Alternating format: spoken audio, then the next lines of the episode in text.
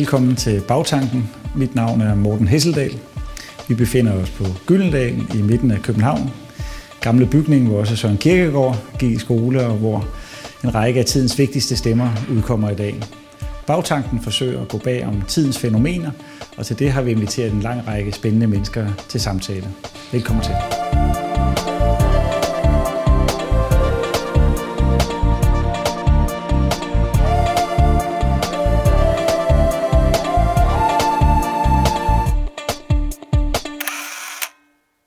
Velkommen til Bagtanken. Det er programmet, hvor vi ser bag om tidens fænomener og idéer.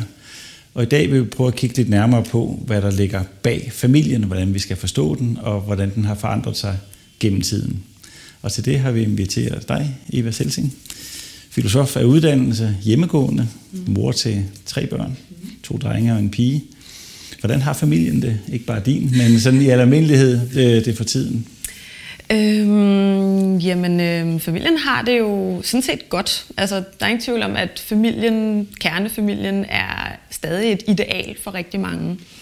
Øhm, der er også rigtig mange, som forsøger at afprøve nogle alternative familieformer, eller ikke rigtig mange, der er i hvert fald flere og flere. Øhm, det er der nogle øh, heldige øh, konsekvenser ved, og nogle potentielle uheldige konsekvenser ved. Men grundlæggende mener jeg, at øh, familienormen stadig er relativt stærk. Og det der med de forskellige øh, andre udgaver af kernefamilien, det vil jeg gerne vende tilbage til. Men hvis man kigger på det her med mand og kvinde mødes, stifter en familie sådan igennem øh, historien, hvordan kan man så, ligesom, hvis du bare skal give nogle hurtige ris, prøve at anskue det? Altså, hvad er det, der har ført øh, til familierne, og hvad har meningen været med familierne sådan igennem historien? Har det bare været længslernes mål, arbejdsfællesskaber? Hvad, hvad, hvad, hvad, hvad har tanken været? Uh, det er et stort spørgsmål. Altså, der er jo alle mulige argumenter for og forskellige forklaringer af familieinstitutionen, biologiske, antropologiske, kulturelle, religiøse osv. Jeg vil sige, hvis vi holder os til, til vores civilisation, til Vesten, så kan man sige, at familien ikke rigtig kan adskilles fra idealet om det monogame ægteskab. At det ligesom er der, det er den ramme, der sætter livet for, sammen med, med, med forældre og børn. Og det går jo øh, forskellige tusind år tilbage. Det, som vi i dag kalder for kernefamilien, er et relativt nyt begreb. Men den form, hvor vi lever sammen, øh, mor og far og børn, nogle gange også med, med, med, med en ældre generation øh, øh, i, i husholdningen også, den, den, den er jo grundlaget for vores civilisation. Det er der, øh, den kulturelle dannelse starter. Øh, det er der, vi bliver formet som de mennesker, vi går ud og er ude i samfundet. Det er også derfor, at familien for en konservativ som mig er mindst lige så vigtig som individet. Fordi individet er ikke særlig meget uden først at være blevet formet i den gode base. Kan man sige, at familien er gået fra at være ligesom praktisk motiveret til at være øh, motiveret af kærlighed? Er det en tese, der har noget for sig? Altså, det er jo i hvert fald blevet sådan, at fordi vi ikke længere øh, er truet af sådan umiddelbare risiko for armod, øh, og at vi alle sammen har, i hvert fald i vores del af verden, adgang til, til de materielle goder, som vi har brug for, at så er der ikke de samme, øh, hvad skal man sige, ja, praktiske krav til, øh, hvordan vi indretter os. Så der er, sådan, der er noget mere frihed. Og det er klart, at med friheden så kommer også muligheden for, eller tanken om, så kan man jo vælge at gøre tingene på en, på en anderledes måde. Og jeg tror, at tanken om, at familien og at ægteskabet først og fremmest skal bero på kærlighed, den, den, den er mere moderne. Det, det, det tror jeg, men det er ikke fordi, at jeg så vil, dermed vil sige, at kærlighed ikke var en, har været en vigtig del af, af, af familieinstitutionen altid, for det tror jeg, det har eller den kunne opstå undervejs, at man blev mm. introduceret.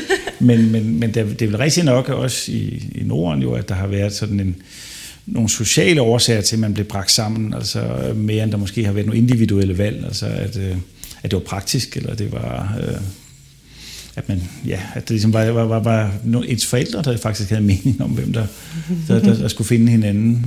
Du tænker på arrangeret ægteskab? Mere eller mindre, altså om det har ligget i samfundet, det det har det, samfund. selvfølgelig har det det også. Det er hvilke familier, der har, gerne har ville øh, smide sig sammen, og hvad der kunne gå i arv og så videre. Det er helt klart, at det også har, har været en del af det. Det, det er der ingen tvivl om og hvad med hele det her med at blive gravid og, og, og, og kunne tage sig af et barn som kvinde, altså på et tidspunkt, hvor man ikke havde den økonomiske råderum. Altså det har vel også været noget, der har ligesom institu- institutionaliseret familien som en nødvendighed omkring Ja, selvfølgelig har det det. Selvfølgelig har det, har det været vigtigt, har det været en, en, en afgørende ramme for, at mor kunne føle sig tryg, at børnene kunne føle sig tryg, men også at far havde en rolle, som han kunne udfylde, en meningsfuld rolle øh, indad til i basen og kunne præge den, de kommende generationer sammen med mor. Øh, det er der ingen tvivl om. At, øh, at, og det er også det, jeg mente med, med, med, med sådan familien som det sted, hvor kulturen gives videre.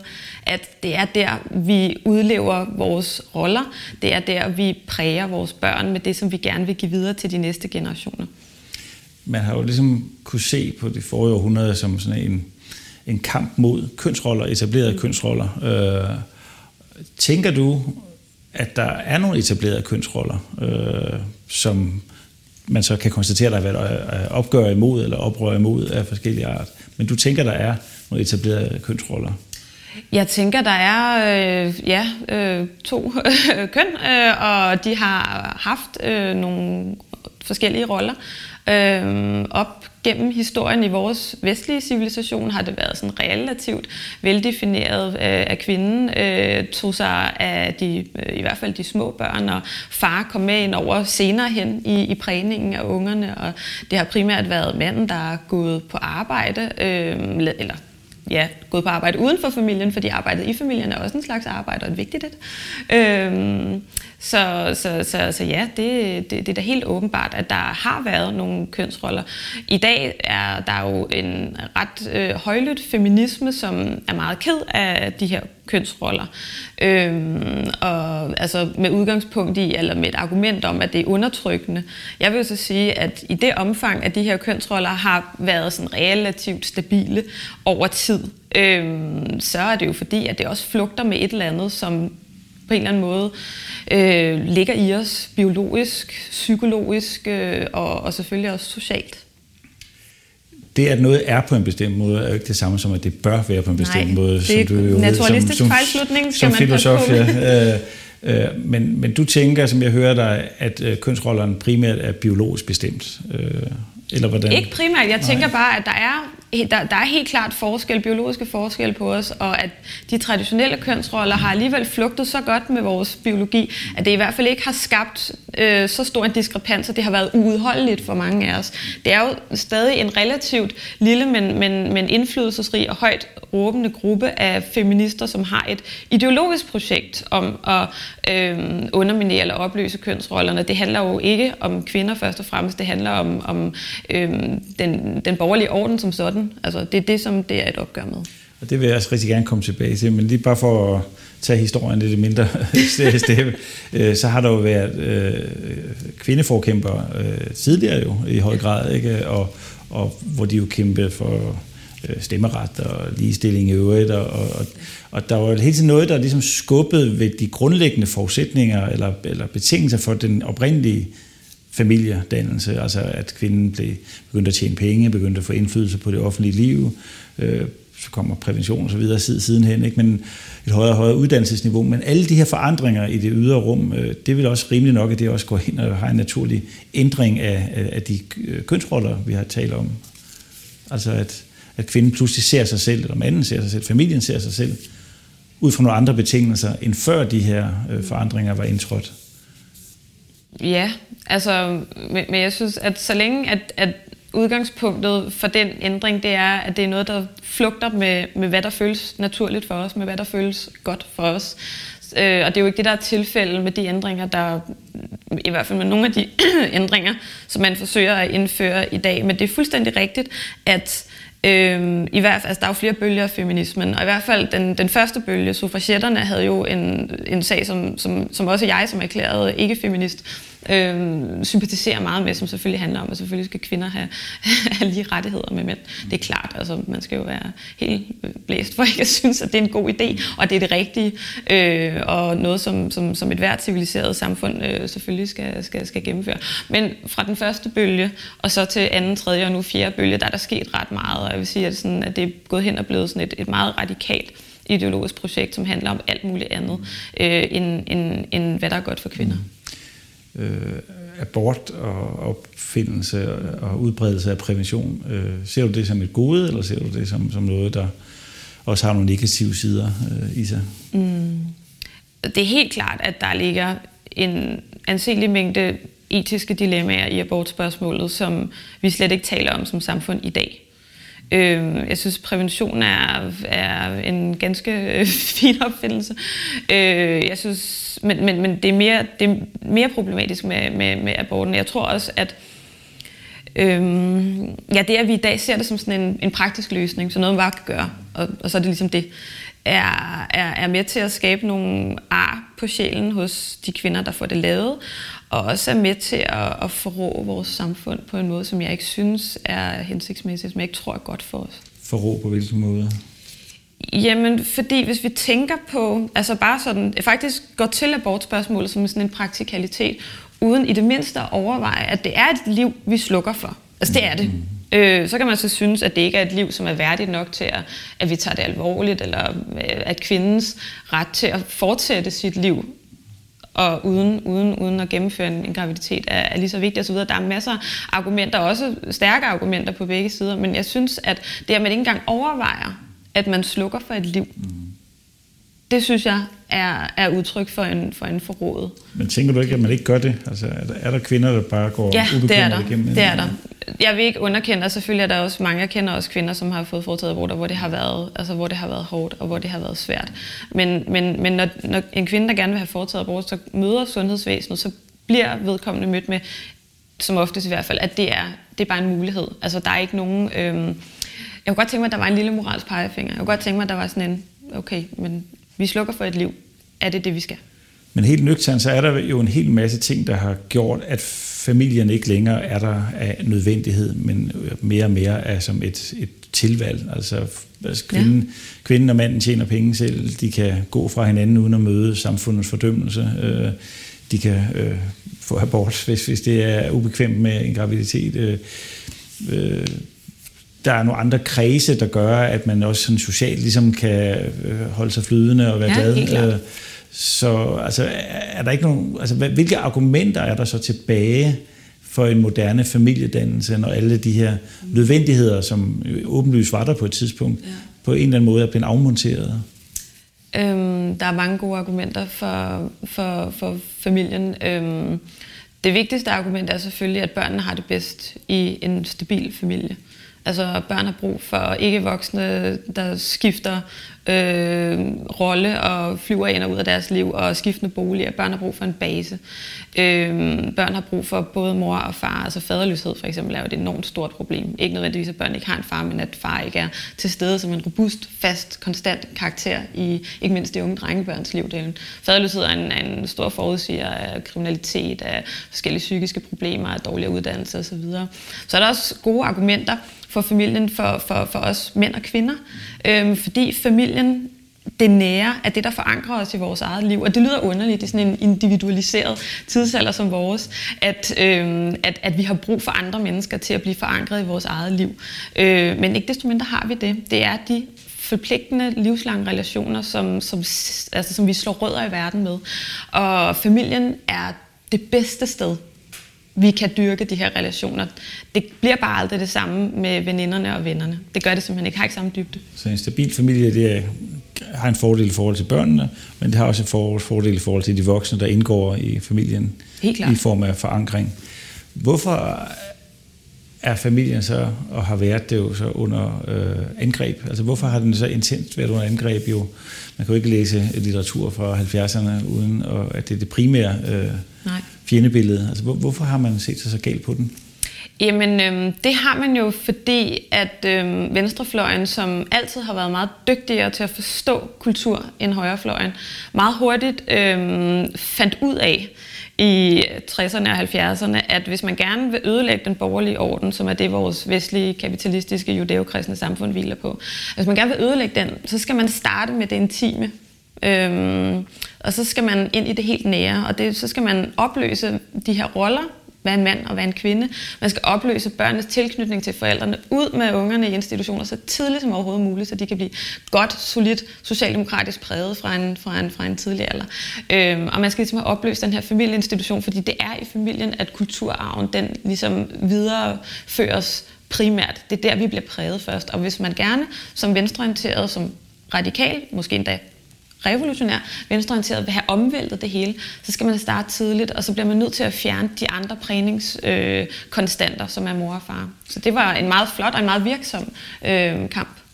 Men hvorfor ikke se, at den prægning også kan komme fra institutionerne? Der er socialt samspil, der er møde med, med børn fra andre med andre, anden baggrund. Øh, det kan vel også være nyttigt og nødvendigt i forhold til prægning af et barn. Og... Selvfølgelig, selvfølgelig. Øh, og det kommer jo også. Øh, vi skal jo alle sammen i skole på et tidspunkt.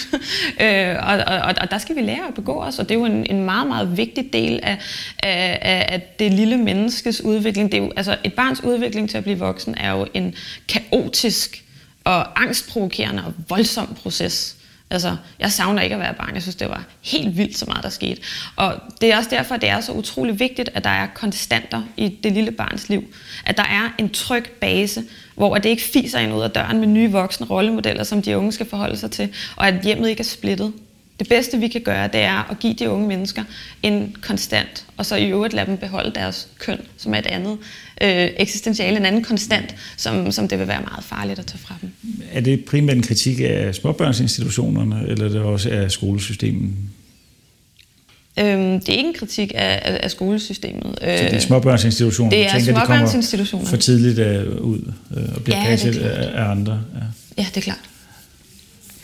Øh, men de er jo også en forudsætning, altså det, det, at, det, at institutionsdanmark er så udbredt, det er jo en forudsætning for, at familierne godt kan tage sig ud på alle mulige måder, at det netop ikke længere er en katastrofe at blive skilt, fordi ja. eller have et meget, meget krævende job, begge forældre har det, øh, fordi der er nogle institutioner, som nok skal samle op på det.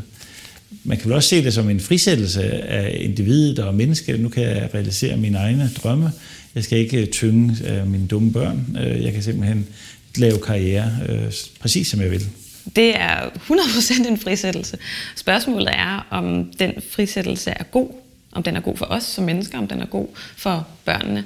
Der er ingen tvivl om, at øh, det har været en meget vigtig øh, motivationsfaktor i sådan tilslutning til kvindefrigørelsen, at kvinderne kunne komme ud og blive uafhængige, og at det muliggjorde den her, altså en stor del af, af 68-oprøret handlede jo om, hvis ikke det hele næsten. Alt det, der ikke handlede om økonomi, det handlede om, om, om at fremme sådan en hemmingsløshed, altså den her ret til at få tilfredsstillet sine umiddelbare lyster. Og de her småborgerlige, sådan bourgeois, snærende, hæmmende normer, de var meget slemme. Øh, og jo mere vi kunne gøre os fri af dem, befri os fra den kedelige familie og alle de her pligter, så vi kunne komme ud og, og, og, og blive de mennesker, vi virkelig var og realisere vores fulde potentiale, som hvad det nu end kan være. Øh, det er klart, at det har været en vigtig del af, af tiltrækningen, fordi det taler til, til det i, i, i, i os mennesker, som godt kan lide, eller som ikke kan lide hæmninger, som godt kan lide bare at gøre det, som vi har lyst til. Men jeg tror ikke, det er godt for os på sigt bare at gøre det, som, som vi har lyst til. Når det så er sagt, så har det været øh, godt for mange kvinder at komme ud og kunne få en professionel karriere og også have en del af deres identitet øh, i det, som de laver i deres arbejdsliv. Jeg synes, at der har været alt muligt godt ved det. Det negative er selvfølgelig dels, at staten i dag subsidierer øh, hvad hedder det, familier, hvor der er to udarbejdende forældre, så det er faktisk for mange ikke reelt en mulighed at gøre, som for eksempel jeg har gjort, at gå hjemme en periode, mens børnene er små og har brug for os og for basen derhjemme. Så du siger også, at det nærmest er sådan en ideologisk øh, holdning indlejret i staten mm. i retning mod at underminere for eksempel, at man kan vælge, øh, at den ene går hjemme og passer børn, og den anden tjener pengene, fordi man dårligt i dag kan få en husholdning til at hænge sammen på én indtægt. Er det sådan forstået? Mm, helt ja. klart. Helt klart. Er det en øh, holdning, du ser i bredt i det politiske øh, system, at den er indlejret der?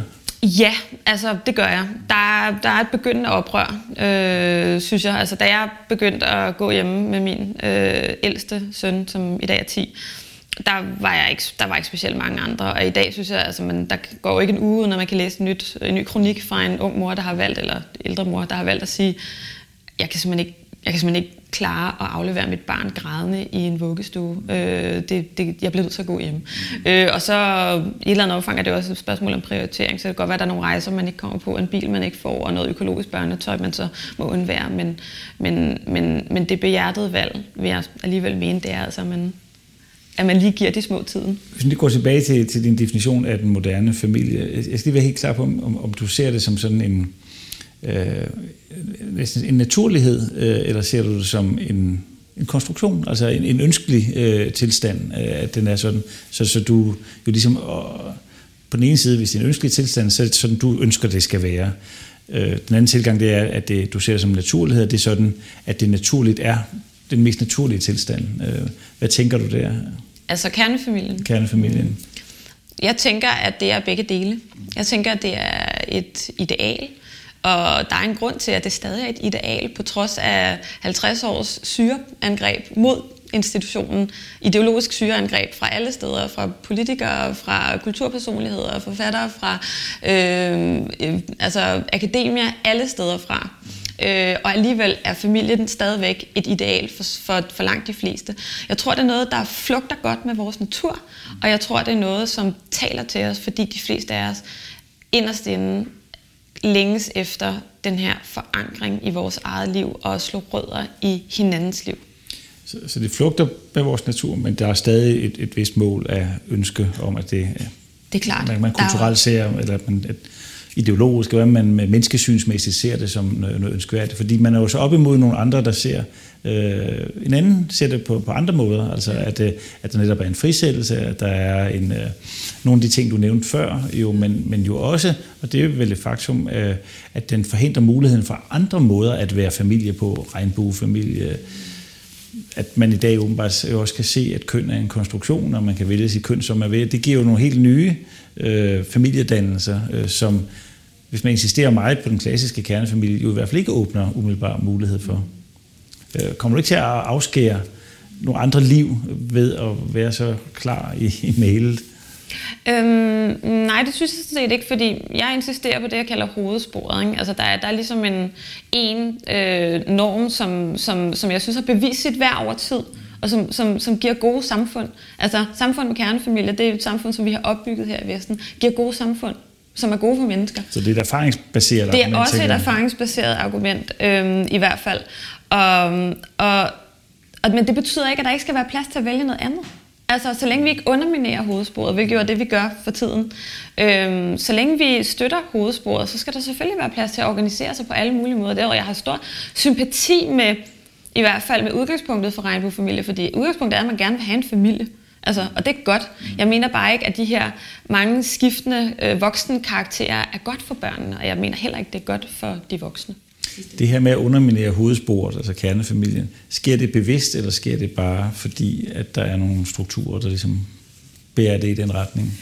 Øhm, sådan, det er jo altid sådan med sådan nogle øh, kulturkampe og kulturelle udviklinger. Der er ligesom en fortrop af ideologer af folk, der har tænkt over tingene og skrevet nogle bøger om det. Og, sådan, og, og som er meget bevidste om, hvad det er, de gerne vil have. Og så er der alle dem, der bare følger med. Øh, fordi at øh, det er den vej, vinden vinder. Og jeg tror, det er sådan også med familien, sådan at med de fleste ting desværre. Eller måske er det også godt i et eller andet omfang, det ved jeg ikke. Det kommer an på, hvor, på hvilken side af stregen man står. Du har ikke bragt religion ind som et argument for kernefamilien. Øh, det spiller det ikke nogen rolle for at argumentere for det? Eller er det øhm, to jo, ting? I, i det omfang, at kernefamilien er uløseligt, øh, familien er uløseligt forbundet, i, i hvert fald som jeg ser det med, med det monogame ægteskab, så, så jo selvfølgelig. Øh, det er jo en arv fra, fra, fra, fra kristendommen, og det er jo en del af vores vestlige judæo-kristne civilisation, så det er jo vores rødder. Det betyder helt klart også noget. Mm. Så det, at øh, tro svækkes, det betyder også en svækkelse af familien? Kernefamilien? Ja, det er der ingen tvivl om. Altså, når, når vores kristne tro svækkes, så svækkes også vores relation til, til, til en række af de øh, institutioner og tanker og, og, og sådan moralske leveregler, som, som, som vores civilisation er bygget på. Og det er der nogen, der er glade for, og nogen, der er mindre glade for. Noget tyder på, at, at det er en, lidt en kamp op ad bakke for det synspunkt der, fordi det, det, det tyder på, at flere og flere familier går i opløsning, og flere og flere øh, sådan glidende konstruktioner omkring børnenes liv, ikke? som jo, altså kunne man se en fjerdedel af det piger har haft oplevelser med en psykolog, og det kunne tyde på, at der er nogle ungdomsliv, der i hvert fald ikke går sådan, mm. som man kunne drømme om det, ud fra en kernefamiliebetragtning. Altså, er du pessimistisk i forhold til, hvordan fremtiden ser ud for de danske familier? Nej, det er jeg faktisk ikke øh, af flere årsager. Altså, jeg tror, du har fuldstændig ret i, at øh, der er mange øh, ungdomsskæbner, som, som har det hårdt nu. Og der bliver talt meget om præstationskultur og præstationssamfund, og vi har jo ikke nogen synderlig præstationskultur i Danmark, så det, den køber jeg ikke. Jeg tror faktisk tværtimod, at det, at så mange er vokset op med, med løse eller kaotiske baser, er med til at gøre os mere skrøbelige og dårligere følelsesmæssigt og menneskeligt udrustet til at stå imod det, der altid kommer. Der kommer altid et eller andet i hovedet på en, når man mindst venter det. Og jo stærkere man står hjemmefra, jo mere permanens og kontinuitet og kærlighed og forpligtelse og behovsudsættelse fra forældrenes side, der har været, desto dygtigere bliver man også som ung menneske til at håndtere det, der kommer. Tusind tak. Tak for den afslutning. Så tror jeg, summerer dine holdninger udmærket op tak fordi du kom her, og tak til seerne, fordi I så med i den her ombæring af bagtanken. Vi er tilbage med en ny udsendelse om ikke så længe. Tak for nu.